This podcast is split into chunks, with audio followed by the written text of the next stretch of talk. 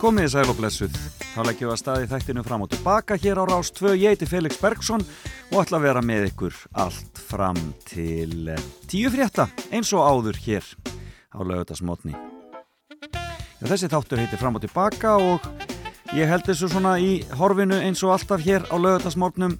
Mala við ykkur hér fram eftir morgni og fæ svo góðan gest í fimmuna og gestur minn í dag er engin önnur en Gerður Huldarinn Bjarnadóttir sem að margir þekkja sem gerði í Blush. Já hvað mér langaði svo mikið að fá einhver, einhverja aðtapna konu sem að e, veit hvernig það er að vera að selja á þessum mesta viðskiptadegi ásins sem e, þólasmessa er ég ætlaði að sé ekki ennþá mest í viðskiptadagurinn en, en það kemur kannski betur í ljósir og eftir en gerður ætlar að koma með einhverja skemmtilega fimmu hand okkur og við ætlum að kynnast henni nánar. Hún er náttúrulega búin mikið að vera á mittil þannan á fólki og mikið í fjölmjölum undan farin ár.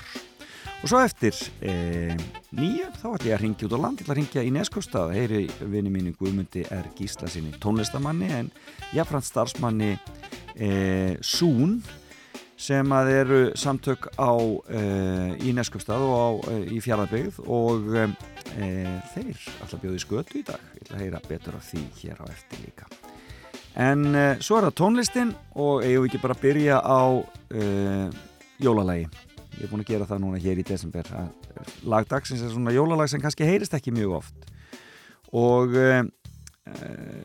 söngkópurinn Brooklyn 5 gerði skemmtilega jólaplötu og fengum meðan annars Raka Bjarnar til að syngja með sér. Þetta er held í árið 2006 og kannski manna þekktastur þarna er, er Kalli eh, Baggalútur, hann er einn af Brooklyn 5, þetta eru svona félagur úr MH held ég öruglega, Davíð Olgersson var hérna líka, bróðir Kalla. Og um, aðasteyr Bergdal og einhverju fleiri eh, góðir menn, en þeir sungu góða óskum gleðilega háttíð og við skulum heyra hvernig þetta hljómaði að rakka Góða ósk um gleðilega hátíð. Ég gefi þetta sinn. Annar fylgir ekki nema hugurinn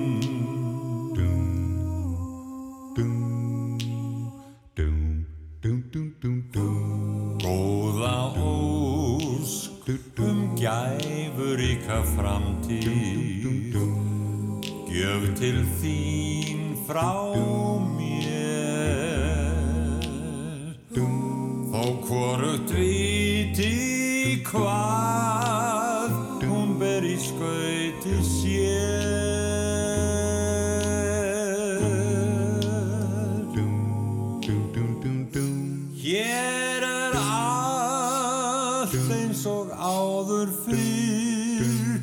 ef ég verð nú kýr hvað þá? Þú varst allt sem ég átti mér. Enginn sagði þér því frá. Ég óska þér að lokum allsins besta aftur við þig. Skil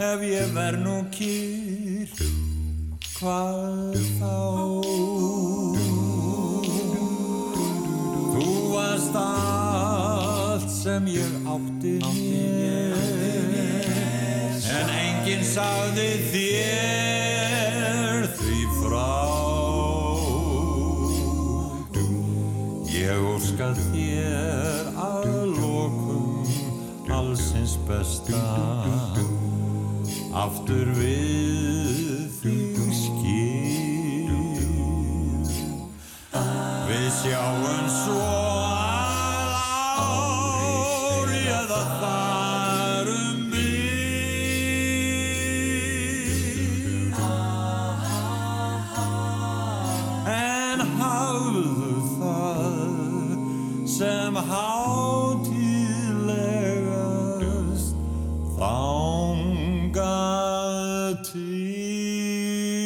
Brooklyn Five og góða ósk um gleðilega hátíð. En það fyrir að líða því að gerður huld Arnbjarnadóttir.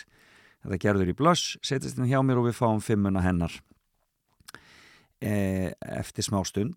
En byrjum á lagi sem hún valdi fyrir okkur e, og hún, ég baði hann um að velja svona, minnst eitt jólalag og hún gerði það svo sannarlega. Hún sagði að þetta væri miklu uppvaldi hjá sér. Þetta eru Valdimar og Bríett og heið dásamlega Jólin eru okkar sem kom fyrst fram í þætti Bakalúts hér í sjónvarpinu. Eh, og svo byrjum við gerður í blöss að rappa. Jólin eru kertaljós og knús Kani langan pipar kökuhús Jólin eru minningin um það sem einhver tíman fann sinn hjartastað og setti stað Jólin eru gleð og glæni í bók. Gömul mynd sem einhver forðum tók. Jólin eru undutekningin Það eru patsleg eftir væntingin Í sérkvart sinn. Jólin eru okkar og allt sem fylgir þeim. Dyrinn í töfra heim Jólin eru okkar og hvernig sem allt fer Ég óska mér að eyða þeim með þér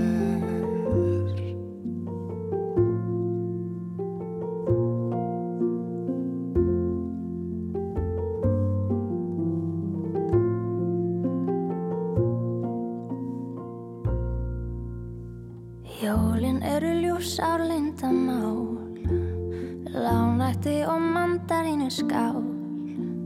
Jólin eru tími fyrir blundal Einhver tíma bæran endur fund Við liðna stund. Jólin eru máðar minningar sem mildilega fegra allt sem var. Jólin eru sáttmáli um frið sem við gerum allan heiminn við hlið við hlið Jólin eru okkar og allt sem fylgir þeim. Lýsa upp töfra heim. Jólin eru okkar og hvernig sem allt fer Ég óska mér að eyða þeim með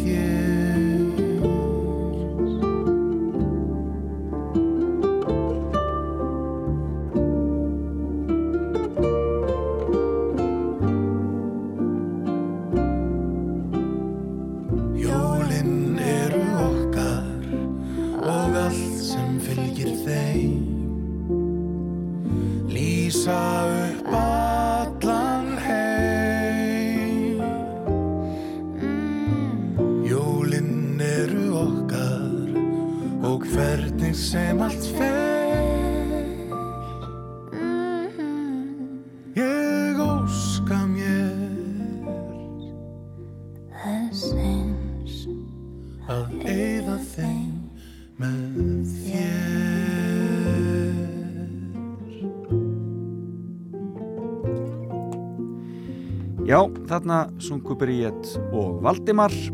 Lag sem heitir Jólin verða okkar. Dásanlega fallegt. Og þetta er úr Ranni Bakalúts sem að þetta kemur allt saman. Um, en um, og þættinu sem þeir gerðu hér í COVID-unu fyrir okkur. En þetta var val viðmanda míns sem situr hér hjá mér og um, sötrar vatnið sitt. En hún heiti Gerður Huld Arnbjarnadóttir Vertu velkomin. Herriði, takk fyrir að fá mig. Ótrúlega gaman að fá að vera með þér í dag. Takk fyrir það og já, ég spyrir nú ofta að spyrja viðmannandi mína, ertu morgun manneskja? Nei, það er ég svo sannlega ekki. Hérna, og lungu hægt að skammast mín fyrir það. Já. Ég hérna, er svona setniparts týpa. Þú ert setnipartíman. Já.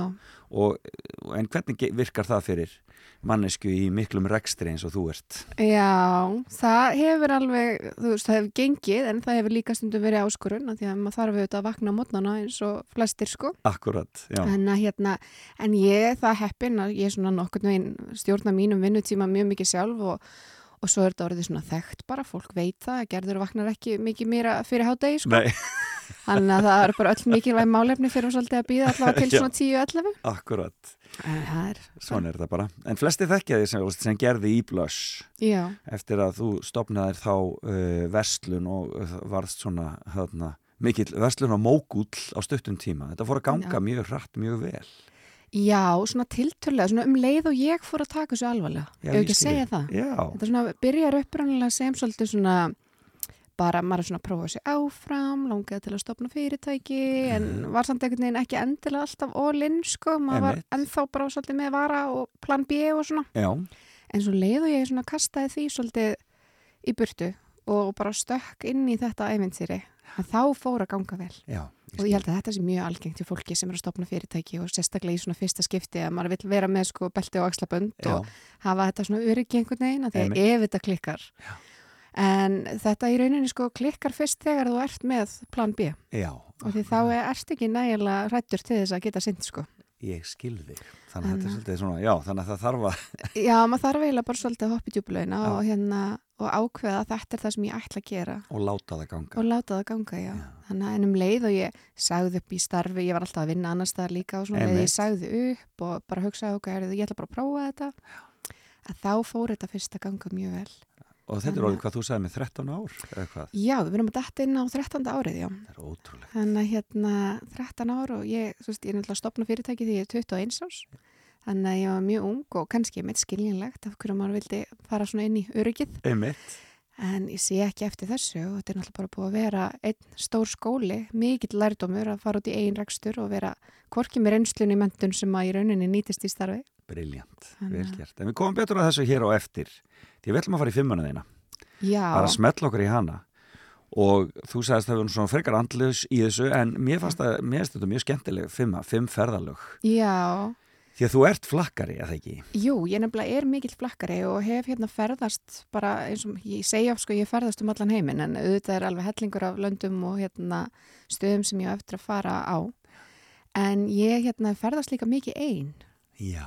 Og mér finnst það alltaf svolítið svona, ef ég ætti að segja að ég veri stolt af einhverju, þá er ég mjög stolt af því að hérna hafa haft hugur ekki til þess að ferðast einn. Já, akkurat. Þegar ég er svona frekar, ég er svona frekar passasum týpa og róleg og hérna, og hrætt við mjög margt, ég hérna, en að hafa ferðast einn er eitthvað sem ég er alveg svona, já, ég gerði þetta. Briljant. Já.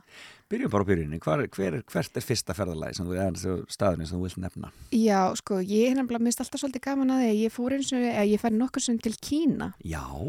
En að fara einn til Kína er náttúrulega svolítið hérna öðri sig heldur en að vera með hóp eða einhverjum svona skipulaðri sko. Það er óhætt að segja það, já. En, en fyrir tíu árum síðan að þá fer ég til Kína og hérna og það áttum upprannlega að fara tvær saman nema mm -hmm. það kom upp hérna aðstæð þar sem að enda þannig ég fer síðan einn Eh, ferðarfélagið minn komst ekki Já. og þannig en ég hugsa alltaf bara, herru, ég ætla samt ekki að hætta við ég ætla að fara með Var þetta skemmtiferð eða frekar en viðskiptaferð? Nei, þetta var viðskiptaferð það voru framlegendur eða byrjar voru að bjóða okkur út í heimsókn Já. en ég er þannig átta daga og það er náttúrulega bara einn dagur sem fer í heimsóknina og þetta er mikið ferðalag, mikið og langt ferðalag því að það þarf að fljúa frá Íslandi til Finnlands frá Finnlandi til Dubai, frá Dubai til Hong Kong þannig að þetta er alveg svona Já, smá hérna Já, ferðalag Já. og ég fer og... Og varstu bara í Hong Kong þá eða hvað? Nei, ég fór þarna í þetta skipti fór ég til Shanghai og ferðaðist aðeins þannig kring, maður þurfti náttúrulega að fara í hérna, e, bæ eða borg sem heitir Shenzhen sem er svona eins og versmiðuborg, það er í rauninni ekkert þarna nema versmiður Já.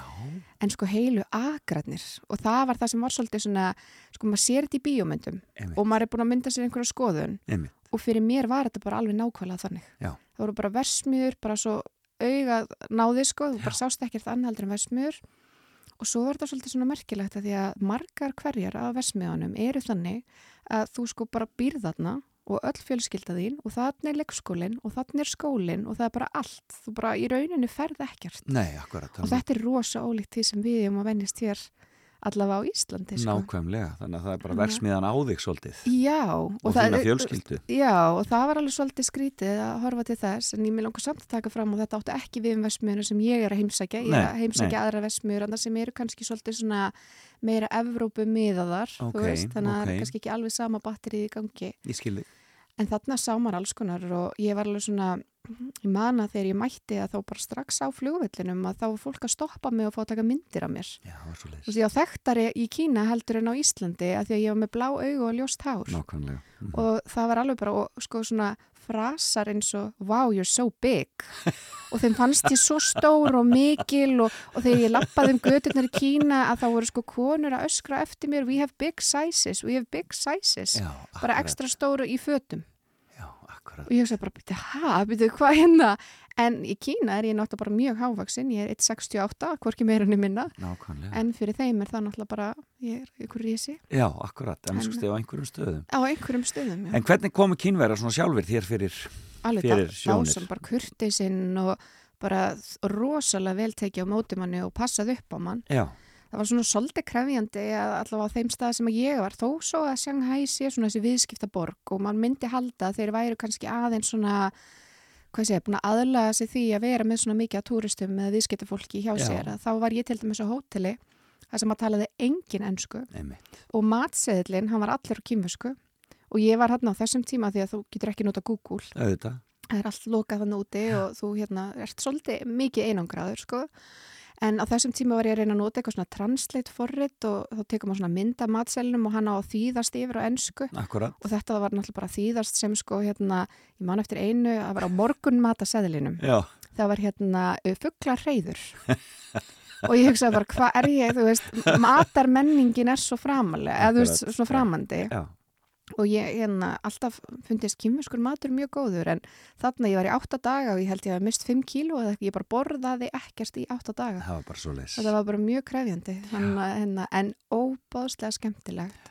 Og líka að annað sem að er svona kannski mikilvægt þegar maður er að ferðast einn og verandi upp í blá augu og ljóst hár Mm er að upplifa þetta öryggi mér finnst ég aldrei að verið í hættu mér finnst ég aldrei, mér voru aldrei ógnaði eða augraði eitthvað svona öfugt um mörglönd sem ég farið til. En fóstu þá stundum ein af stað á milli staða og svo leis eða þú veist fóstu ein að versla eða eitthvað slíkt? Já, eða, ég gerði það alveg, ég hérna lappaði aðeins á milli og svona, en ég var svo sem ekki, þetta var ekki hugsað sem skemmtiferð, þetta er bara vinnuferð og svona, Einmitt. manna maður kannski einhvern veginn í öðru sig gýr, sko, en hérna, en að lappa um gödurnar var ekkert vandamál, Nákvæmlega. nema hvaða þeir eru náttúrulega öðru seldur en við Evropabúar og við erum alltaf með hérna skilti allstað sem segir hér er McDonalds og hér er þessi búð og svona, Já. Nema þarna er þetta ekki svoleiðis. Nei. Það er kannski bara McDonalds staður á sjöndu hæð í einhverjum háhísi og ekkert skilti Þannig, og ég man svo vel eftir þessa því þetta var svona, ég gæti hugsað mér að borða McDonalds Já, akkurat, Þannig já. að já. Þannig að þú varst svolítið að leita, já, ég leita var honum svona, já, ég var svona svolítið að leita þessu og fann þarna, já, það var að McDonalds bara beint á móti hótelinu Akkurat, en það var hvergi sjáanlegur Já. Þá er þetta eitthvað svona reglugerðið hjá þeim það, er- ég get ekki alveg ímyndað mér að vera markastjóri í, í Kína þegar hún mátti ekki vera eins og mér skildi utan á húsinu hjá nei, sko. akkurat, það er flókið. já, En þeir eru að finna svona, já, það er, það er, er kapitalismin er á miklu flugið þarna og mikið í gangi. já, Fannstu fyrir því svona hvað, hvað allt er á mikill í flegi ferð í Kína? Já, það er rosa mikið á flegiferð og þetta sem maður sér í bíómyndunum að fólk er að fara inn í til dæmis hérna lestarnar og eru að tróða sér inn, þú veist, þetta gerist og Já. þetta var bara mín, mín upplifun líka, það var að tróða mig, ég fór í lestaferð í reyndar í setnaskipti sem ég fætti í Kína, fer í lestaferð og fjögra tíma lestaferð og það var ekkit sæti Nei. en ég var samt búin að kaupa miða Já, þú veist, það já. er alveg hérna og maður bara tróðið og maður stendur bara í fjóra tíma alveg þjættu fyrir næsta mann og þarna hugsa ég vákvað í fein að vera hávaksina því ég gæti allavega að anda ferskaloftu Já, akkurat. þú veist, það var alveg hérna en það er rosa svona, já, mikil hraði en það er samt á sama tíma rosa mikil svona hvað segir svona ægi Já, þú veist, einmitt. bara fólk vinnur bara 6-7 daga vikunar og það eru 12 tíma vinnudagar eða allavega hana það og ég man til dæmis að í versmiðinni sem ég fór að skoða eina af þeim að þá hérna var það bara þannig að þetta var svona eins og í grunnskóla það ringdi bara klukka, Já. þá fórst í mat Já. svo ringdi klukkan og þá mættur aftur inn, þú veist, þannig að þetta er alveg svaka svona skipula ægi og allir fylgja því bara svolítið. og gott að eiga við á viðskipti. Já, ég hef allavega ekki lend í vandröð Nei, það er hérna, gott að heyra. Já, ég hef bara mjög góða reynsli og þykir mjög gaman að fara til Kína því þetta er alveg upplifun og að fá að kynnast svona aðeins öðru sem menningaheimum og bara svona aðstöðu einhvern veginn. Hefur alltaf verið með svo mikla útrá, ferða þrá. Um, mér er alltaf þótt gaman að ferðast, mér þykir hræðilega leðilegt að fara í flugvilar. Já, ok. Ég er rosalega flugrætt Ég skil þig. og hérna, en þannig að það hefur kannski svona aðeins haldið aftur á mér, Já. en þó ekki meira en það að ég hérna, er búin að farast þó nokkuð. Já. En mér þykir rosa gaman og ég er rosa svona mikil svona unnandi að því að kynna spæði menningu og fólki og svona skoða eins og hvernig fagar fólk sér og hvernig eru við ólík á mismöndi hátt en alltaf með þetta svona að, hvað ég segja, svona þessa virðingu fyrir því að við erum ólík. Var, var fjölskylda þín, voruð þið að ferðast þegar þú ert lítil? Hvar, hvar elstu upp? Hvar, hvar ertu fættu uppalinn? Ég, sest, ég fæðist á Akureyri og flytt síðan þegar ég er sex ára e, í Breiðholtið Já, já, já. Og þaðan fyrir við síðan yfir í Kópóin og er búin að vera þar allar götur síðan Alla kvöldu síðan, já. í húsinu sem mamma og pappi áttu. Þannig að hérna ég er svolítið svona först í Kópóinum og ég get ekki ímynda mér að hugsa mér að búa Erlendis, mér langar að búa á Íslandi. Ég það er svona minn staður og mér finnst alltaf gott að koma heim. En voruð þið fjölskylda sem ferðaðist? ekki svona ævintýraferðir Nei. nei, veist, jú, ég man eftir ég fórum einu svona kyrðum hérna um Evrópu. Og svo mjög skemmtilegt en annars vorum við svolítið á sem svona örugu svæðum. Já. Þú veist, það var ekkit verið að draga mann eitthvað til eða Það var eitthvað Mallorca og eitthvað svo leiðis. svona, já, svona Portugal og Já. Alicante og og kannski gefið skýra mynd að fóreldra mínir eiga bæði hús í hérna á Alicante. Já. svona, sem dæmi sko. En sem er dásamlegt en á sama tíma líka svona svolítið típist. Akkurat. en kannski er það þess vegna sem ég fer í eitthvað svona ætla aldrei að hérna fara á okkur svona venjulega staði. Já, en það hefur alveg breyst að viðkjöna það Hvað er, hvað er annað ferðalagi sem þú vilt deila með okkur? kannski ætti ég að segja ykkur þá bara frá Tenerife Já. af því að það var eitthvað sem ég held að ég myndi aldrei læra að elska Já, og hérna fer til fyrst skipti til Tenerife fyrir svona fimm árum síðan já. ég held ég sé búin að fara eitthvað 13 sinnum síðan Það er bara það svoleiðis. er bara þrísóra áriðlik Það er bara þannig, já.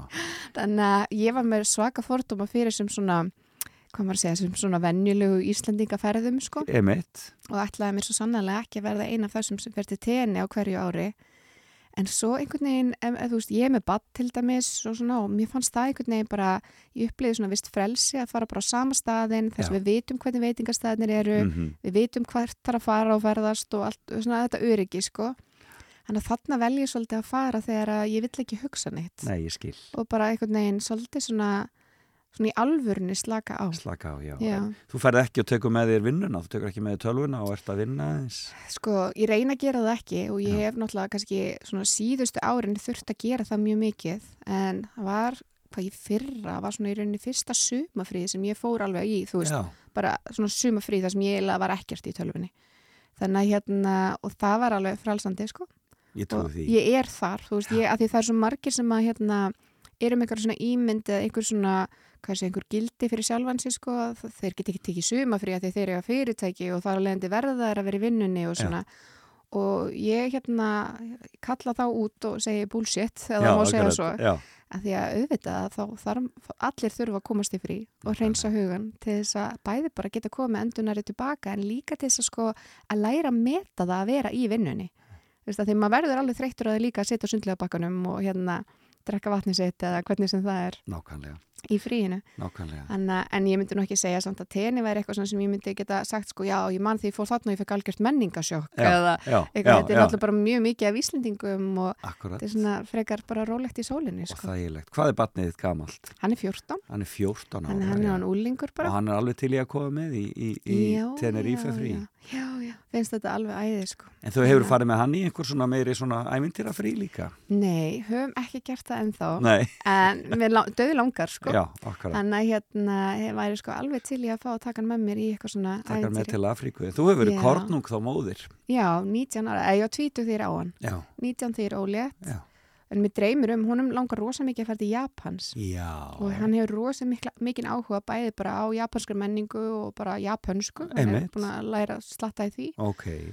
og hérna það væri rosa gaman einhver daginn að, að hérna taka hann með í svoleiðis. Taka vor í Japan. Það Já, er dásamlegt. er það ekki? Það verður- get mælt með því hilsugar. Já, það er svolítið svona á listanum og svo hefur okkur líka langað að fara með hann til Afriku í Safari Það er- uh, en einn daginn, þetta er svona, maður verður líka að hugsa, hann er í skóla og svona, þannig að maður þarf hérna, En það þarf að huga að þessu áður en þau verður líka of gömul sko líka. Þannig Já. að þau verður ekki bara farin. að því að þau hætta bara að nenna að fara bara svoleiðis. Æ. Hvað er þriðaferðin, segir þau? Herði, þá er ég með svolítið áhugavert. Nú, Ég fór sem sagt og þetta var svona, eh, að við tölum um hérna fordóma fyrir tenni, sko, Já. og ég er að reyna hérna að lækna fólk að því og segja að skella sér til tenni. En þá hef ég líka alltaf verið með rosa mikla fordóma fyrir svona pakkaferðum. já. Og hérna, eða, fordóma, við skulum Já. alveg slaka, en Eh. svona eitthvað, ég ætla ekki að fara í pakkaferði eitthvað. Nei, akkurat. Nema hvað, að við vorum svo heppin að við sáum auðlýsingu með hérna Vita Air eða Æslandi Air eða eitthvað svona með hérna beinu flugi pakkaferð til Dubai Já. Og okkur hefði alltaf langað að fara til Dubai og njóta og vera þar í nokkra daga. Mm og það er ekkert hlaupið að því að fljúa til Dubai svona heilt yfir því þetta er langt ferðalag og hérna þú verðst að fljúa til London og þaðan til Dubai og þetta er svakalega langt og yfirleitt, ég fari nokkur sem til Dubai áður og, en yfirleitt í svona millilendingu eða stutt stopp. Og þá hefur þetta yfirleitt verið svona einhvers þar á bylinu, já svona átján tíma ferðalag. Emitt. nema Æsland er að fljúa beint til Dubai með einni bara svona fjúlstoppi í hérna Sofíu og við vorum einhver átt eða tíu tíma á leiðinni Já, já. og vorum þarna í tíu daga með hópa af Íslendingum Já. og þetta var svo skemmtilegt og fórum í alls konar svona hérna safari og skoða gamla bæinn og, og vorum svolítið að gera svona alls konar hluti sem að við hefðum kannski ekkit haft vita á því að plana ef við hefðum farið bara okkar eigin vegum. Fara út í eðimörkina og allt þetta. Já, ymmit. En, en það skemmtilega við þetta var að við sérst ákveðum, ákveðum að bóka okkar eigið hótel samt, við vorum ekki á þessu hóteli sem var í bóði þarna, Emitt. af því að við ætlum svona hérna fá smá prífasi, Mm -hmm. nema hvað svo komum við á hóteli og þetta er svaka flotta hérna hótel og þar er Íslandingur að vinna. Og Það gæti verið, Já. það gæti verið. En hann var, að, hann var dásamlegur hann dásamlegur. alveg hérna gerði ferðin okkar mjög góða. En hver eru við sem þau eru að tala um að við, við höfum vilja fara? Já, það er ég og makinn minn, Jakob. En uh, við erum svona að reyna að búa til skemmtilega minningar með að ferðast. Dásanlegt. En uh, hann er flugmaður og er reynda starfar ekki sem flugmaður í dag en Ok, hann er flugmaður þegar við byrjum saman. já. Svo dró ég hann inn í blöss þannig að hann er að vinna þar í dag. Já, akkurat, Þannig þannig að- að þið eru saman í fyrirtækinu. Já, þannig að, sem er rosa þægilegt að við getum þá farið saman og hérna tekið okkur frí á sama tíma og svona sem væri kannski ólíkt því ef hann væri að vinna í fluginu. Akkurat. En þú varst þú, ykkur þar finnst mér að ég hef lesið að þú hafi verið í fluginu sjálf á einhverjum tíum. Nei, svo sannarlega ekki. Nei, þú varst Ég- ekki, nei. Ég er eins og segja bara rosalega flugrætt. Já, einmitt, þannig að það kom allt þetta greina. Það væri eitthvað, já, Já, þú getur ímyndaðir sko þegar maðurinn minn situr við hliðina á mér og ég er hérna í sko kvíðakasti. Ég hef alveg oft tekið mjög vandræðileg mómenti í flugum sko. Þá er það örgla Jakob sem ég er að ruggla saman. Það ég vil lesa eitthvað um Jakob, Jakob í fluginu. Jakob var í fluginu sko. Hann, en ég hef samt oft sko hugsað til þess að eins leiðilegt það er að vera svona flugræð. Já, Að þá er ég samt búin að kynnast rosa mörgu fólki í hérna flugi. já, já, Að því að ég, þegar ég verð svona hrætt þá þarf ég að spjalla. já, og þegar maður er að fljúa einn og er kannski tíu tíma flugi til Kína að þá bara því miður þá verður sætisfélagin fyrir því hérna barði að þurfa að kynast þér Já, að því að hann þarf að dreifa hugunuðinum svo þú fríkir ekki alveg út sko. Gott. þannig að ég fengi að kynast einu sinni satt ég við hliðin á hérna e, eldri hjónum og hann bara, hann, hann, hann, fann hvað mér leið illa. Já, og ég var aðna hálf grátandi eitthvað og hann snýr sér að mér og byrja að spjalla með mig og þá er hann sem sagt hérna verkfræðingur og flugvirki sem að vann fyrir Boeing. Já. og hann var sérst hérna nýkominu eftirlaun og draumaferðin hans var að fara til Íslands. Ég var að fljúa frá LA til Íslands. Já. Og hann sagði þetta er fyrsta ferðin mín eftir ég hætti að vinna og hann satt með mér alla flugferðina og útskýrði fyrir mér hvernig flugvilar eru smíðaður og byggðar Þetta er náttúrulega og, eitthvað svona, og hann hafði svo mikla þólum að í þetta og svo var ég með svo mikið samvinskupið gagvart konun hans því Einmitt. að hún var þarna líka og þau á leiðin í frí og hann var að tala um vinnuna sína Einmitt, sko. en hún var bara, guð, takk aðeinslega þannig að getur hann tala um þetta við einhvern annan heldur um mig sko. þannig að hérna ég hef verið svona, já, Já. mjög heppin með það Já, með ferðafélaga. já, fengið góða sætisfélaga allavega svona en að hérna, já Heyrðu, við skulum taka okkur smá pásu. Þú valdir lag sem ég ætla að spila hér sem heitir Unstoppable og þetta er söngunum frábæra Sia og svo höldum við áfram að spjalla. I'll smile, I know what it takes to fool this town. I'll do it till the sun goes down and all through the night time Oh yeah, oh yeah. I'll tell you what you wanna hear. Keep my sunglasses on while I shed a tear It's never the right time. Yeah, yeah, yeah. I put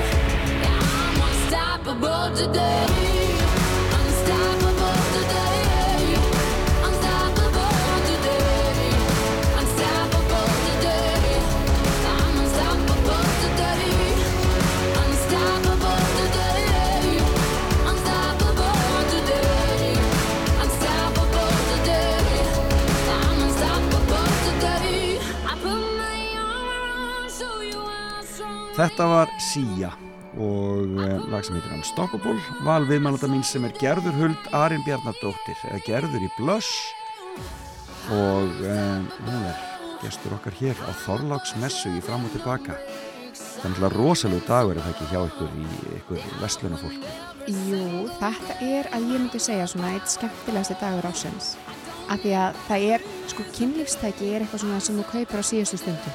Já, þetta er, er yfirleitt ekki, þú ert ekki búin að kaupa þetta er yfir, þú ert að kaupa fyrir makan þinn eitthvað svona auka gjöf, það er svolítið það sem kynlífstækin eru.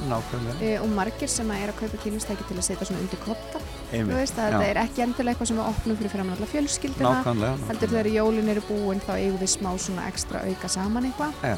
Þannig að ég myndi segja að sko megni af okkar jólasölu kemur svolítið svona 20. til 24. Það er bara svoleiðis Þetta, eru, já, þetta er svona síðasta vikan fyrir jól sem að er hérna alveg svona áberandi mest og þorlóksmessa þar að leiðandi mjög Og gerir eitthvað öflugt. sérstakt á degi eins og þorlagsmessu? Er þið er með, eitthvað svona sérstakt húlum hæ? Við erum, við ætla að bjóðum upp á fría innpökkun Já, og það er svolítið það sem að fólk er að leitast eftir þegar Ok. það kemur svona já, last síðustu stundu, minute já.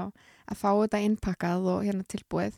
En svo er náttúrulega bara almennt svona jólastemning og gleði í búðinni og við erum með ekstra mannskap þannig að allir eiga að geta fengið sömu þjónustu og þeir eru vanir að fá þegar koma til okkar á venjulegum mánudegi eða eitthvað. en búðin er risa stór, þú komið mikið rými. Já, við fórum í það að hérna færa okkur yfir í, sko, þetta er 860 fermetrar í heldina með sérst vöruhúsinu og skrifstofum og svona. Já, og hérna og margir sem að höfðu ekki mikla trú á því að, að kynlífstækja verslun þyrft að vera í svona stóru húsi en ég hef allavega ekki ennþá séð eftir þessu. Þetta Nei, var akkurat. svakarlega bara lífsgæði og breyting fyrir okkur að komast í með alla starfseminn undir sama þakið sko. og hvað ertu með af starfsfólki?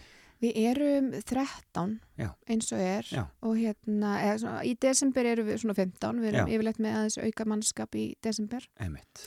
En inn í þessu eru markastjóri og verslunastjóri og lagarstjóri og það er svona fjölbreyttur hópur af fólki Akkurat.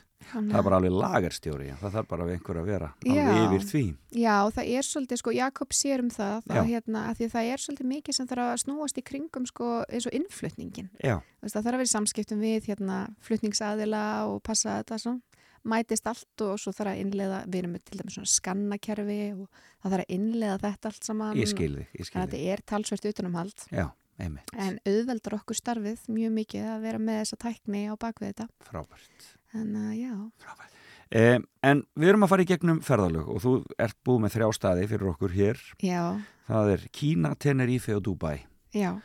Hvað er fjóriði staður? Herri, ég er svolítið að velja á milli, sko, ég er að spá ég að taka næst Ítalju. Já, Ég hérna, ertu Ítalíu aðdáðandi já, en bara nýlega. Þú Já, veist, við ok. fórum í fyrra, fyrra Ok. sumar, að þá hérna planaði Jakob og bauð mér í ammælisferð til Ítalíu. Dásanlegt Og Bara þannig, rétt er að við erum að koma út úr COVID já, þannig ekki, en ekki spyrja mig mikið hvað stöðum ég var á, því ég er nefnilega hérna, ég veit ég var hérna einhver Toskana og Já. fórum til Rómar og kerðum um allt hérna og svona, nema að hérna hann sérst, planar ferðina og skipulökur þetta með sérst, svona ferðarþjónustu fyrirtæki. Já, Þannig að við fengum svolítið svona upplifa ekki sko TripAdvisor Ítalíuna, einmitt. Heldur eitthvað svona sem var svolítið hrára og það voru alls konar svona sem var hérna stungið upp á eins og við tölum um á en eitthvað sem við hefðum kannski aldrei átt á okkur á og það er kannski svona, er, eh, svona minnistæðast að við fórum í, á matrusli námskeið. Já, og þetta var matrusli námskeið sem var bara heima hjá hjónum. Já, já þannig við fórum bara heim til þeirra einhverstaðar út í sveitinnar hana í Toskana Einmitt. Og fengum að læra elda. Og þau voru svo skemmtilega þetta voru sérst bandaríkjaman sem eru búin að búa í 20 ára í Ítalíu. En skemmtilegt. Og hann er sko gamall svona Hollywood hann er sérst búningahönnur fyrir Hollywood. Já, já, já. Og hún er sérst var sjómaskokkur Já, og hérna búin að gefa út fjöldan allra maturislubókum hún var svona efalöfi eftir 20 ár. Já, veist, svona alveg bara, og hún var svo skemmtileg og þetta var einhvern veginn svo vel hefnaði dagur. Já. Að því að manninu mínum þykir ekkit eitthvað sérstaklega gaman að elda. Og hann var ekkert neginn ekki mjög spenntur fyrir að eða hálfum degi í það að læra að þetta, elda. já, en svo vorum við bæði algjörlega í skíjónum með þetta. Og hérna alveg bara, núna erum við að hugsa bara ok, næstu við förum, þá förum við aftur sko. Og eitthvað sem hefur nýst ykkur í framhaldinu þá?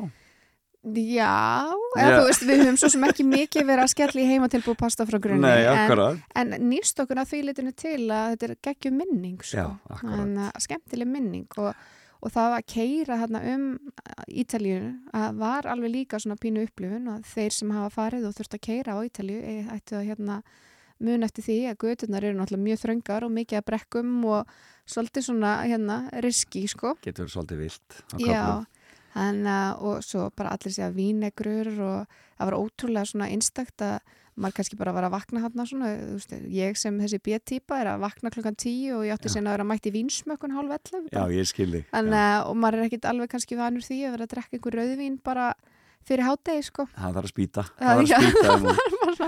en alveg óbáslega skemmtilegt og þarna fengum við líka alveg rosa góða fræðslu um hérna bara bæðið hvernig vínin eru framleitt og hvernig við til dæmis myndum vilja velja okkar vín í framtíðin að því að við höfum öll verið í svo stuð að standa í ríkinu og Já. eiga að velja flösku eða kaupa akkurat. gjafir eða eitthvað og maður er alveg bara er þetta eitthvað að því maður er langa kannski ekki að kaupa ódýristu flöskuna í hérna 50 sammæluskjöfina eða hvernig það er Akkurat, sko. en þarna fengum við svona gott insýn í þetta Briljant og getum kannski svona aðeins núna státa okkur á því að geta valið vín af sæðli og svona á veitikastöðum Akkurat. En það er alltaf, það eru litli hlutinir í lífinu sko. Nákvæmlega, nákvæmlega. Það er, það er sko sannlega þannig. En, ég, en nú er sko ef fjölskyldan er að hlusta þá vita núna allir að, að Jakob og Gerður eru semst búin að fara á maturistunámskeið á Ítalíu Heldur og næsta betur. matarbóð verður eitthvað Það gæl, verður, eitthvað geppa sko. Já, það verður það nefnilega. Ég nefnilega, við fórum einu sinni á hérna maturslunamski hérna í Salteldhúsinu Já, uh, og það var alveg dásanlega skemmtilegt og Mhm. þar fórum við að læra um indveska matagerð og það var alveg hérna, já, mjög áhugavert og skemmtilegt og þá einmitt fjaldum við næsta matabóð og byggðum upp á indveska veistlu en skemmtilegt Þannig hérna, en við höfum ekki anþá farið í pastagerðina, Í, sko. Ítölsku já. Nei, það verður hérna eitthvað. Ég reyndar var með matabóðum daginn með ítelskum þema og ég er svona, ég er ekki bara þekkt fyrir að vera B-típa, ég hljóma kannski eins og algjör haugur, en Já. ég hérna er líka þekkt fyrir það að reyna að gera allt eins einfalt og ég get.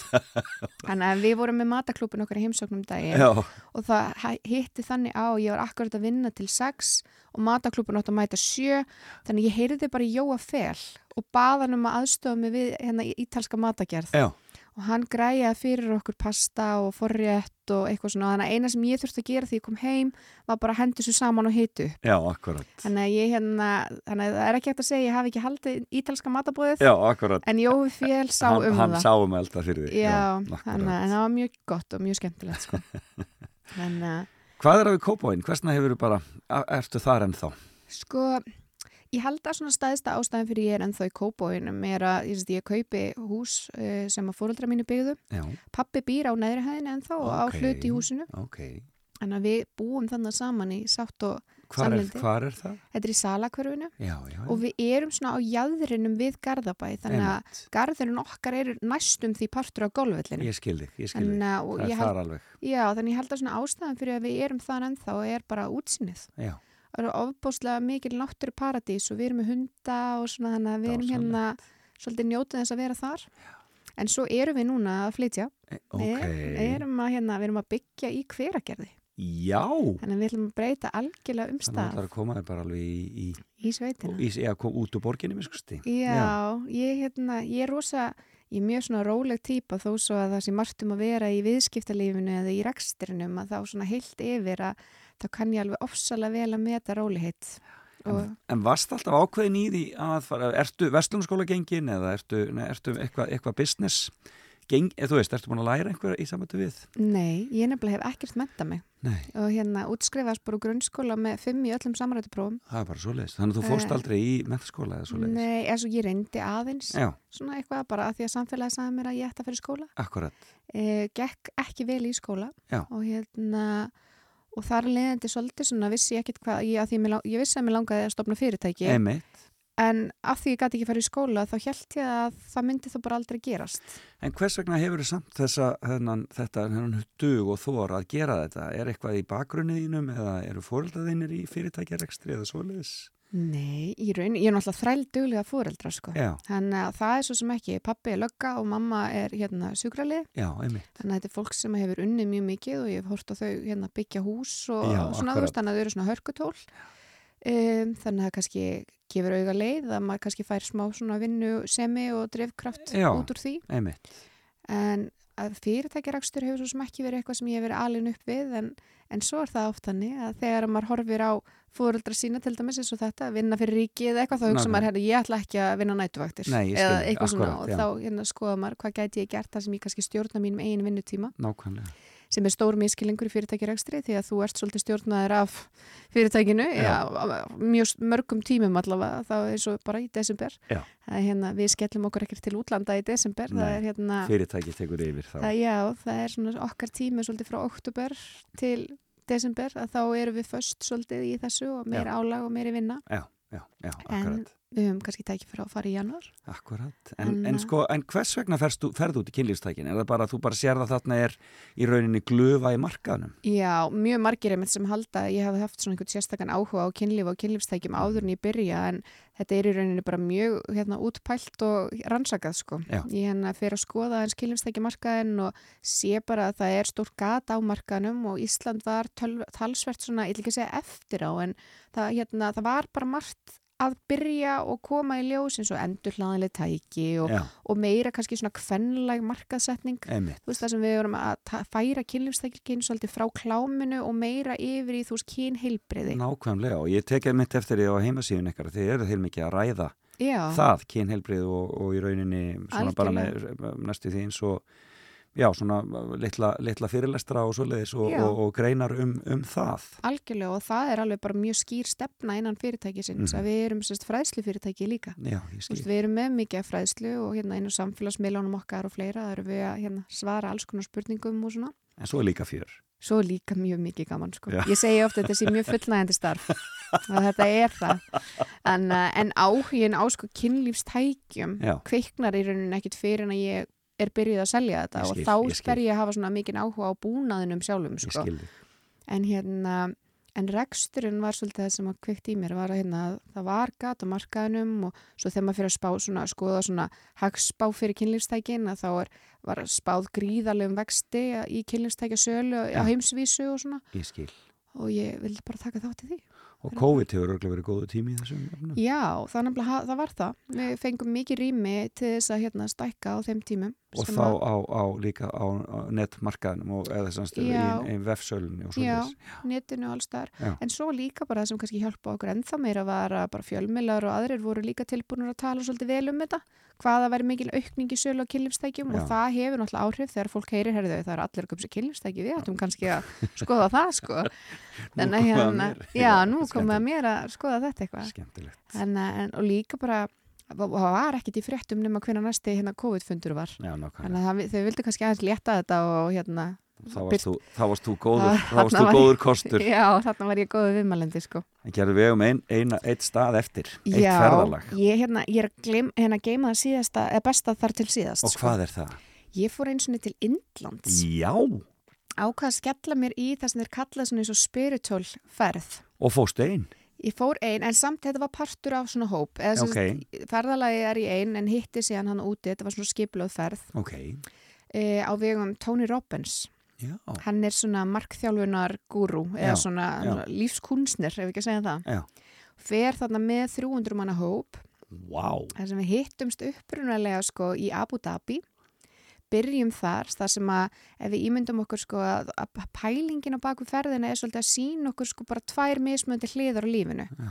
og Abu Dhabi er þekkt fyrir bara ríkidæmi, mikla peninga Nei, að, bara, þú veist, það er alveg fáránlegt þegar maður kemur að það er allt í gull og marmara Aha. Og hérna og þar fengum við að gista á svo vakala fínu hóteli þar sem að þú fæst gullflögur í kaffið þetta mótnana og alveg, þú veist miklu meira heldur en nokkur maður í rauninni hefur sko gaman að Akkurat.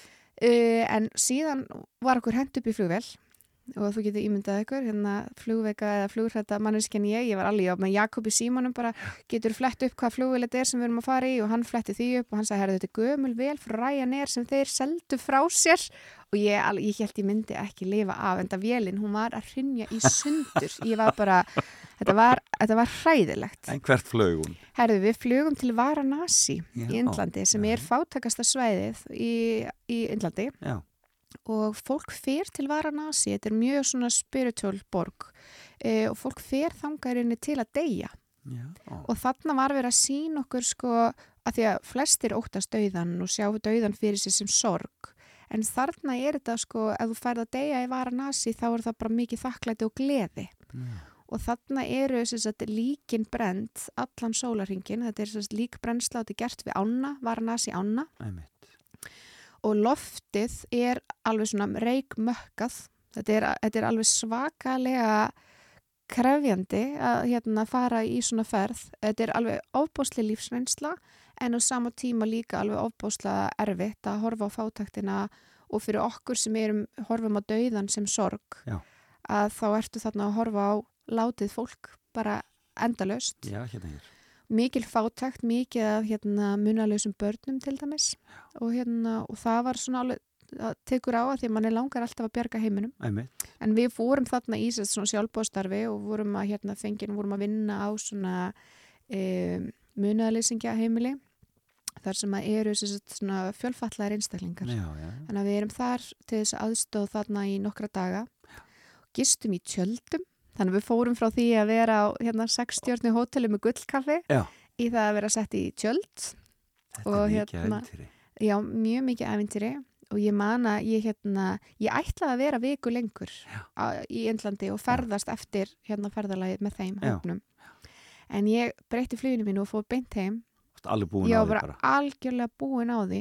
Ég var líka, ég var bitin svakalega illa af moskító. Já, ég skildi. Ég var alveg með bara örgulega tíu biti í andlitinu Já. og allir líka minn og allt og ég var alveg bara, en þarna sér maður bara fórhættinda pjessin hérna, vildi bara flýja. Og hefur þetta breytt þér?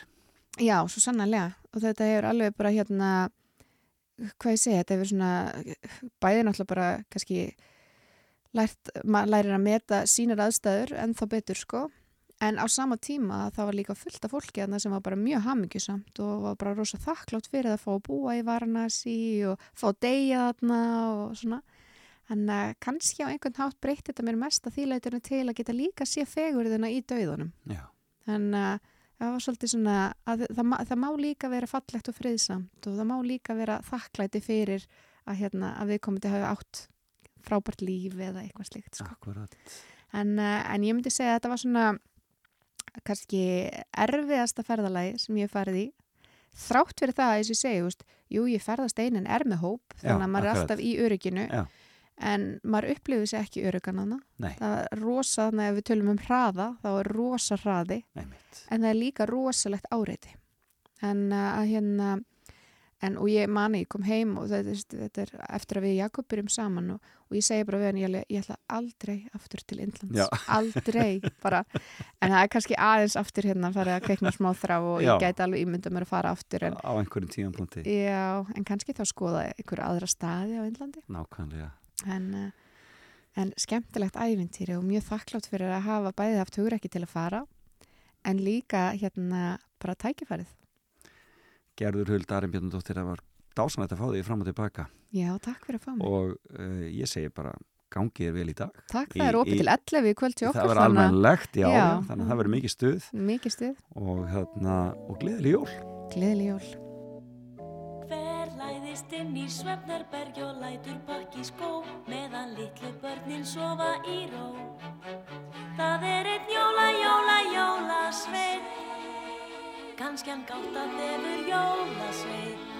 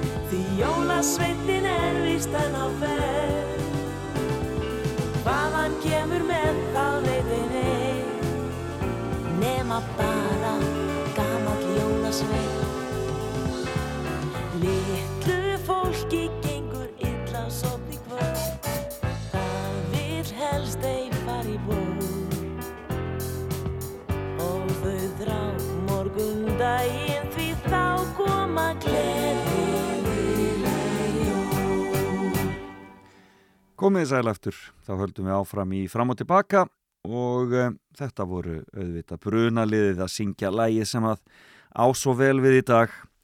Þorlagsmessu kvöld varða. Og hún gerður eh, huld í Blush, hún var hérna hjá okkur í morgun og var í fimmu hjá mér og stóð sér frábælega eins og vera, vera ber, gerður huld Arimbjarnadóttir og uh, það var gaman að heyra ferðalögunum 5 sem hún vildi deila með okkur. Og eða vilji heyra viðtali við hann og mistuð af því í morgun þá verður allt komið inn á samfélagsmiðla. Þegar þessum þætti líkur eða inn á, rúf.is og inn á, á hlaðvarsveitur en áfram með smjörið og við ætlum bara að vera svolítið í tónlistinni hér. Og um, ætlum að hengja að vísu austur uh, á land og heyra mikill í skötu veislu í Nesköpstað hér eftir smá stund en fáum bara svolítið af skemmtilegu tónlist og Þetta finnst mér alltaf dásamlegt jólalag frá henni Ragnheiði Gröndal. Ég er mikill Ragnheiða Gröndal aðdáðandi eins, eins og þið þekkið sem að hlusta á þennan þátt. Þetta er lagi sem hún heitir Jólin með þér.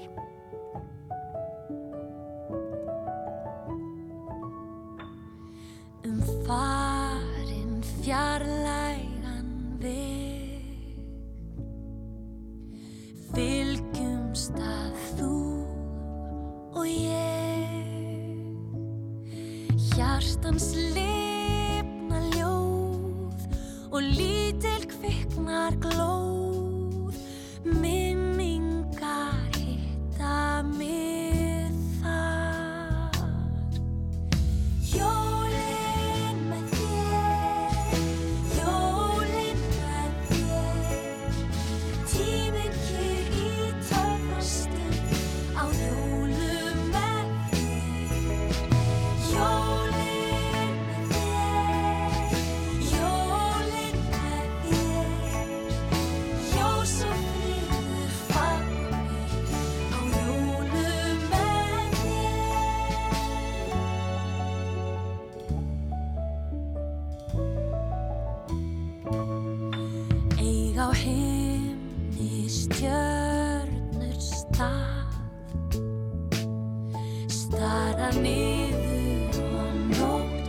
tatlı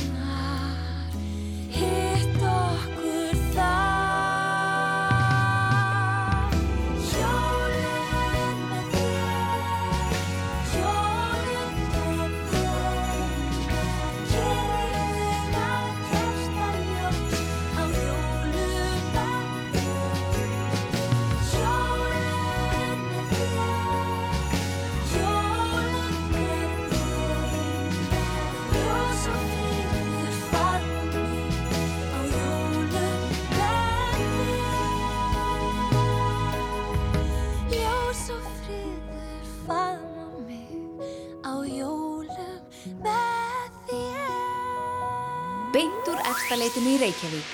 Fram og tilbaka á Rástfö.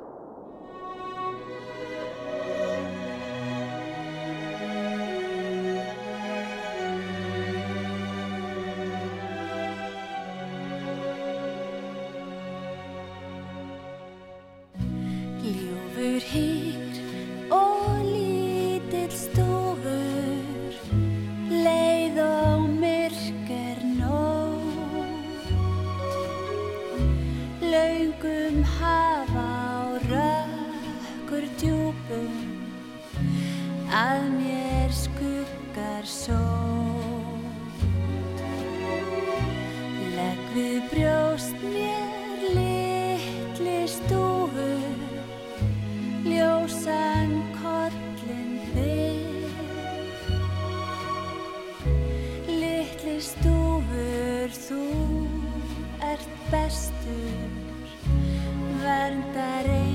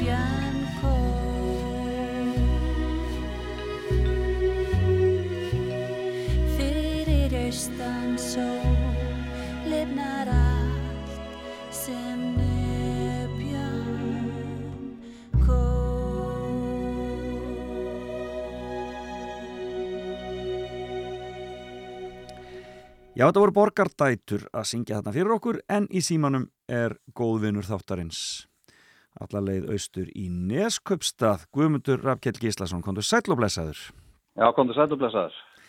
Já, já, það er, það, það vita það allir náttúrulega að þú ert tónlistamæður og ert stöðut að gera flotta tónlist en þú ert líka að vinna fyrir e, fyrirbriði sem heitir Sún í Nesköpstað Já, akkurat. Það er skamstöðun og samunufélag útgeramann á Neskupstað. Einmitt, og það er svona, er þið eruð að vinna í rauninni í svona samfélagslegum verkefnum og svoleiðis þarna fyrir austan Já, heilmikið í, í svo leið, sko. Þetta er uppalega samunufélag útgeramanna eins og, eins og en núna er þetta mest svona vestlunumannafélag og, og við erum náttúrulega í ímsu en mikið er mynd að sinna menningamálum og byggingamálum innan fjarrar. akkurat, sem er náttúrulega mjög mikilvægt bara til þess að halda, halda fólki á staðunum, hreinlega Já, og akkurat að gera bara gott samfélag betra. Það er svona okkar Akkurat. leiðaljós. Það er flott, það er glæsilegt.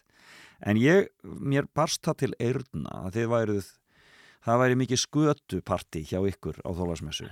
Já, Hva, hvað er, það er náttúrulega, í útgerða bæjunum, þá er þetta náttúrulega stóri dagurinn, eða ekki? Jó, þetta er svolítið, það er sterk hefð fyrir skötu veislu mín neskjöpstað og, og þegar að Sún var sko 90 ára í fyrra, þá ákvaða við að hérna, bjóða bara öllum norðfyringum í skötuvislu á Hildiband hótel. já, Öllum sem vildu já, hérna, já, öllum sem við það- já, við skulum hafa þá reynu ég skulum hafa það reyna, það er ekki allir sem vilja borða skötu, en hérna, já, við gerum þetta í fyrra og það var svona, það var svona skemmtilegt og, og hérna gekk það vel og var vel sótt að, að Sún ákvaður bara að gera þetta aftur, hvort þetta verður árvist, þó er ég nú kannski ekki alveg að lofa, en, en það verður allavega aftur í ár og Já, þetta byrjar kljóðan 11 og stendur á litið þrjú og, og það er semst uh, bara svona skipt í hól, það komast 100 manns að í einu og einmitt. þannig að þetta geta orðið alltaf 500 manns sem að koma í skötuvislu í búið Sún. Og heldur það hafi verið þannig í fyrra? Orðið það mikið af fólki? Já, það var sko, já, það var eitthvað um 400 manns í fyrra. Þetta er rosalegt. Já, þetta er rosalega. Erst þú skötum að það sjálfur? Já, ég er bara mjög hrifin á skötu. Ég hérna, hins vegar bara með eins og aðra svona íslenskar hefði, þá gerist það ekki að sjálfu sér. Ég þurfti að svona aðeins að beita mig hörðu bæði gagvart hákallinum og, og síldinni og, og hérna og skötunni. En ég Já. hef búin að læra að borða þetta allt í dag og finnst þetta allt alveg rosalega gott. Ég hugsaði einmitt um daginn þegar ég sá að japanski sendir hann var á auglýs eftir einhvern stað þar sem hann geti borðað það skötu. Já, hann var akkurat. auglýs á Twitter, ég sagði, mm, ertu alveg viss? Ertu viss sem þú einmitt. viljir prófa? En, en, en þetta er náttúrulega eins og þú segir. Þetta er svona, já, þetta er svona eitthvað sem maður lærir að borða. Já, ég man þegar ég var lítill til þess að mamma og pappi voru alltaf að borða slíti í hátteginu með rúbröð Já, og þá hugsaði ég bara, já, þetta ætla ég að borða þegar ég er hann stór. já, en langar að ég var lítill. Það er alls ekki þegar maður er lítill. En, sko á skötu hlaðbarinn okkar er samt bóðið upp á sko náttúrulega kertaskötu og það er bóðið líka upp á plokkfisk og saltfisk og allt Ókei. þetta hefðenda meðlæti. Skil, Þannig að já. sumir eru nú bara að koma á hósi plokkfisk eða saltfisk og en flestir eru held ég svona ma- eins og ég gerði bara. Ég byrjaði bara með saltfisk og smá skötu með Já, og svo bara breytist hlutvallið og nú maður er alveg hættur að sér hérna saltfisk heldur bara að skatta sko. en tekur þú rúbröð með henni? Já, já, já. já Og hvað setur þú út á hann? Ertu bara í smjörunni eða ertu með flót eða hvað er? Nei, hvað ég, ég er eina bara í íslenska smjörinu sko. Ég er Já. ekkit, svona- ekkit til að hemsa tólkina. Ég er ekki ekki- svo langt. Þú ert ekki komið svo langt, þú tekur, ekki, tekur það ekki með, en það eru örgulega margir í því, er það ekki? Jú, jú, algjörlega og allir, allir, allt þetta eldra fólk sem er vant þessu, það er alveg sullar þessu yfir diskin, sko. Nákvæmlega. En er, er þetta meira eldra fólki sem er að mæta í þetta hjá okkur? Ef- Eftir, þessar reynslu frá í fyrra? Þetta, þetta, þetta, er nú mikið bara fjölskyldunar að mæta, sko. Já, í já, já, bara mi mikil stemming, sko. Þannig að ég hugsa svona samt að áður hafa þetta nú mest verið svona eldra, en núna er þetta svona orðið meira svona fjölskyldu stemming og það var svolítið mikil hefð fyrir skötuveslum í Neskjöpstað bara í heimahúsum og, skil, og, og vinnustöðum líka til þess í fiskiðverinu og Mhm. í, í hérna, fiskimjölsvegsmiðinni, það er alltaf verið skötuveslur og þannig að það er bara hefð fyrir skötuveslur, en þá voru að meira vestur og starfsfólk og eldra fólk en, en allan þessi veistla og okkur er bara svona fjölskyldu veistla, bara mæta allir sem vilja. Já, þannig að það, það þarf ekki að fara með þetta neitt út í einhvern skúr eða svo, þetta er bara inn á þessu flotta hóteli hérna Þetta er bara einn af þessum flotta hóteli og svo lítur bara Guðröður að gera eitthvað rástafir eftir þála sem þessu Svo er- losnaði líktina. Svo er reynsað út bara. Hún, hún fjarar út, sko. Já, já, hún fjarar út, Já. hún gerir það sannlega, en ég, Já, já. það náttúrulega var mjög algengt að fólk færi bara með þetta eitthvað mjög langt frá jólatrínu. Já, já, og sömur voru reyndar, eins og þú segir, bara oft með bara skötuveslun út í bílskúr, sko. Já, akkurat, Já, já. Allavega eldana, það er kannski borðað inni, en nákvæmlega. mér semst hvernig fólk gerir þetta. Nákvæmlega. Og það, og, og það verður semst, þetta byrjar hjá ykkur kl. 11 í dag Já. og verður bara stendur fram eftir degi og bara fólk Já. bara, það er ekkert, er ekkert að skrá sig eða svo, það bara mætir Jú, fólk, fólk er búið að skrá sig sko og sækja sig miða. Það er búið að vera í gangi núna í heila viku að fólk hefur getað komið og ákveði á hvaða tíma það á hvaða tíma það borða svo lendir nú ekki allt í höngu og mæti í 400 manns klukkan 12. Já, ég skil þig. Þannig að þetta er alveg velskipulegt. Þetta er mjög vel skipulagt, ég heyri Já. það. Og uh, þú lítur björstum augum til uh, næsta árs, vona ég? Já, ég er bara hvernig mjög bjartýtt sko. Já, það verður búið meir, það er að og koma það er meir. gott veður og það er engin snjór og svona veginn. Já, En einhvern veginn svona, já, ég er bara fullur af bjartýtt. Ég er endur að alltaf þegar nálgast áramóta. Ég held alltaf að næsta ár verði langbæst árið. er það ekki? Það stendst ekki alltaf. En ég er bara gott að horfa á þannig. Já, akkurat.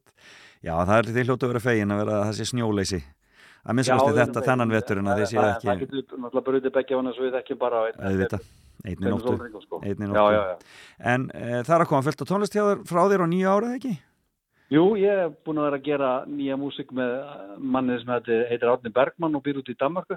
Já, já, já. og það er svona smá stefnubreiting uh, finnst mér í tónlistinni allána að segja þeir sem heyrt hafa það er svona smá stefnubreiting í, í útsetningum og því líku þó að ég sé náttúrulega alltaf sami guðmundur Já, akkurat. þannig að jú fljótlega þrjá áram og tvær fólk að heyra nýtt efni frá mér Býðum spenntir eftir því. Kæra þakkir ég- fyrir kæra þakkir fyrir spjallið, ég byrð kærlega að heilsa austur já, takk fyrir að heyri, heyri ykkur og við byrjum að heilsa öllum landsmann og- njótið Gleðilega skötunar, já, gleðilega hátíð elskulegur, bless, bless. Yes. Takk fyrir kærlega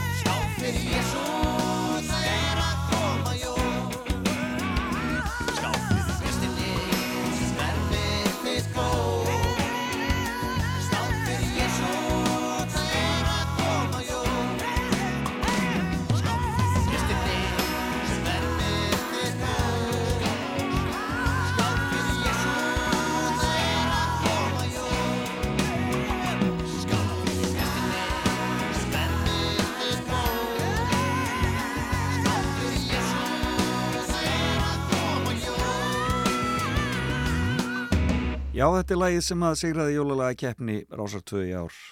Skál fyrir Vésteini, hann kallaði sig Addison Villa sem að flytur þetta heitir Andrés Vilhjámsson og um, ég hef ekki hýrt að því hvernig hann gekk að flytja lagið á jólatörlugunum hjá Björgvin en ég er alveg vissum að það hefur verið eitthvað eitthvað briljant, þetta er stórskemmtilegt. En uh, þeir eru að hlusta fram og tilbaka og við erum að renna hér inn í síðasta hálftíman í þessum þætti á þálasmessu og uh, þetta er náttúrulega dagurinn. Allir að hlaupa og kaupa eins og segir í ljóðinu.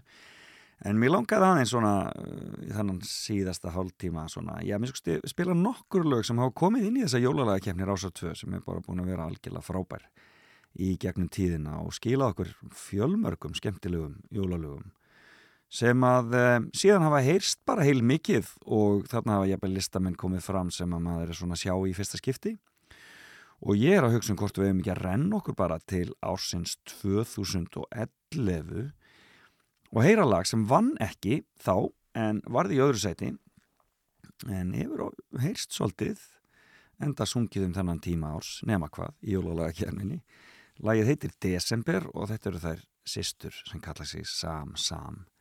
Samuels dætur uh, frábæra söngkonur og frábæri tónlistamenn og vonandi eigum eftir að fá að njóta meira af þeirra hæfileikum í framtíðinni. En þetta lag, við skulum stíl lifir það í desember, við skulum rifja þetta upp. Hér eru Sam Sam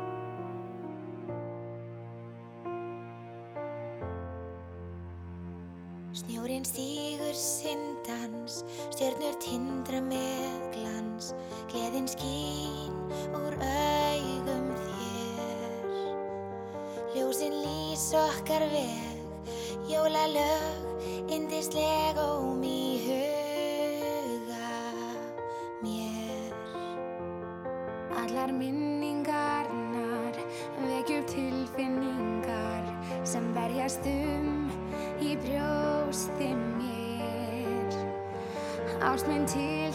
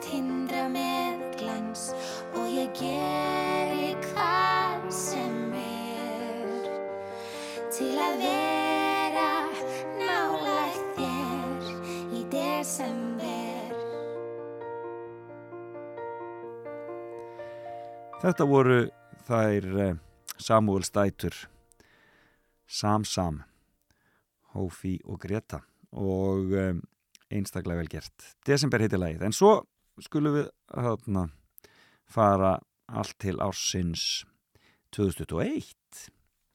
Þá mættu heimilistónar til leiks og höfðu e, þá, já, tveimur árum fyrr eða svo e, ekki náða að vinna söngvakeppnina en komu inn í jólalagakeppni rásar 2 og eh, inn með dásamlegt lag sem að vann síðan keppnina hjá okkur enda er þetta svona óður til húsmóðurinnar og okkar allra sem erum að reka heimili að slaka nú á og njóta aðvendunar e, e, dásamlega vel gert og það er e, hún kalla Margret sem er þarna í fararbróti hún er náttúrulega að fara á kostum þessa dagana í leiksýningunni með Guð í Vasanum í borgarleikusinu og ef það er ekki búin að sjá þá verð ég að mæla með því einn dreigið en hún líka syngur hér að með sinni sjarmerandi röttu þetta lag sem að vann jólalaga kjærnina 2021 revjum þetta upp hér er heimilstónar og anda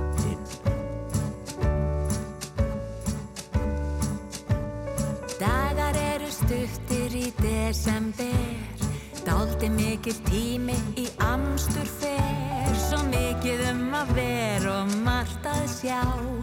Margir er á hlaupum til að ná. Er allt hjá þér komið á yfirspinn? Og ekki virðist mæja dagurinn.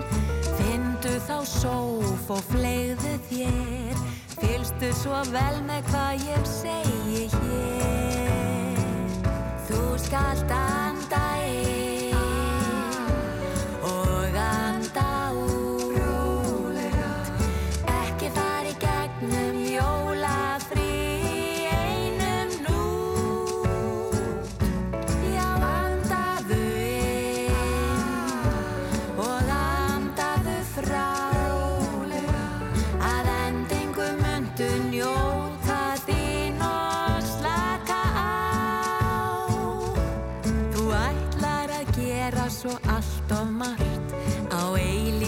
flakki því vesla þart gilda jólabjöll í garðin þinn.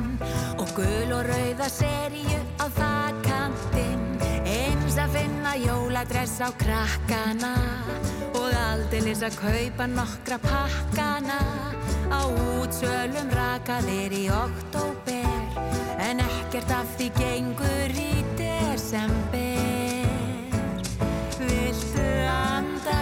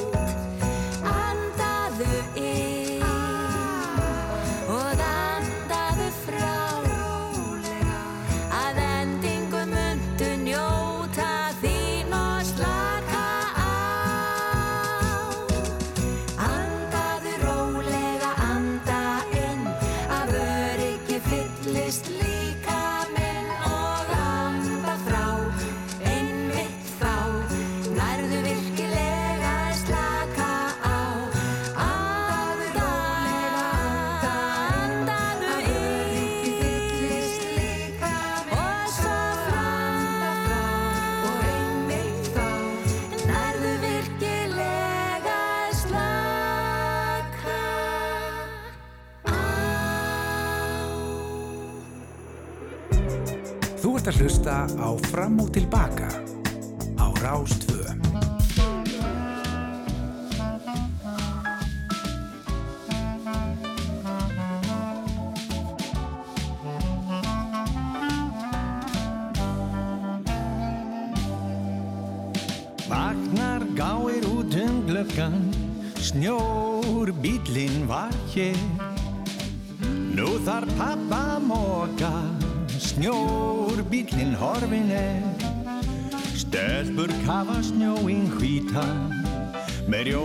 kinnar leika sér Fönnin er guttun að loka. Snjórin stoppar alla hér. Vakna gláb út um glöggan Snjór bílinn var hér. Nú þar pappa móka Snjór bílinn horfin er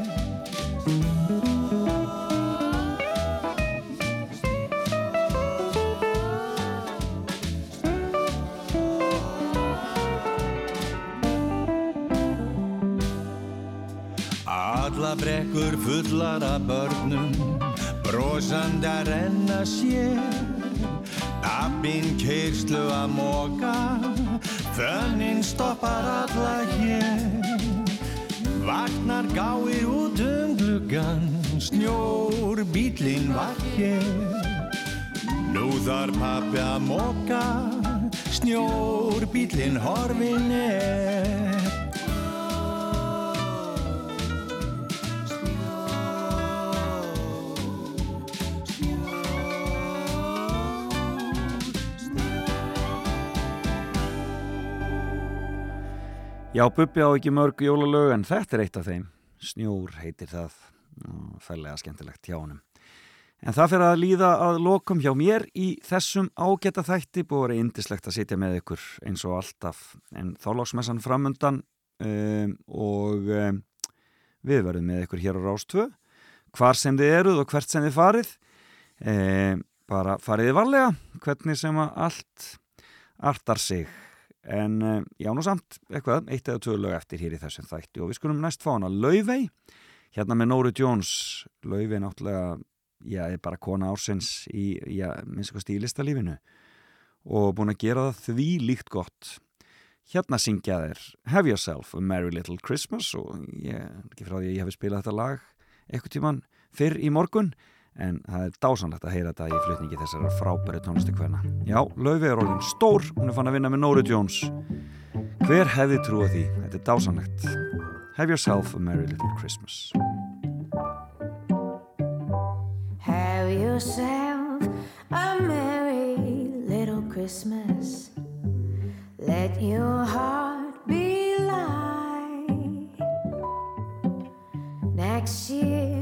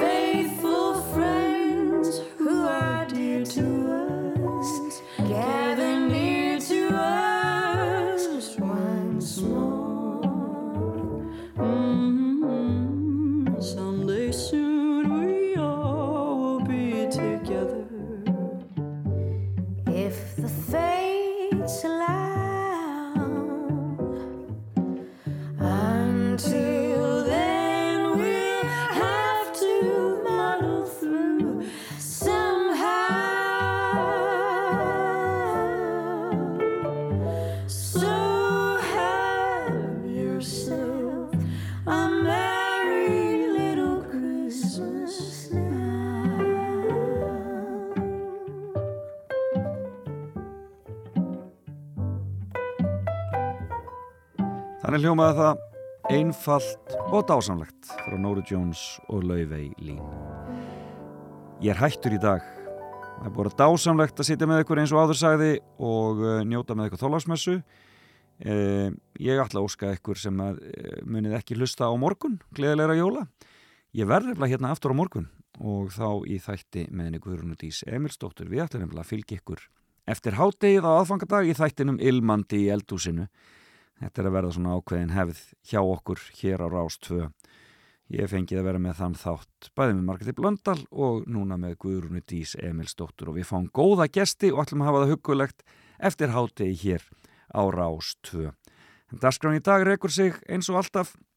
Við fáum Sölkasól hér og eftir og e, hljóðvegin eftir hátegið e, og félagsheimilið og þetta allt saman og árið er En njótiði dagsins, fariði vallega í öllum látunum og heyrumst aftur á morgun.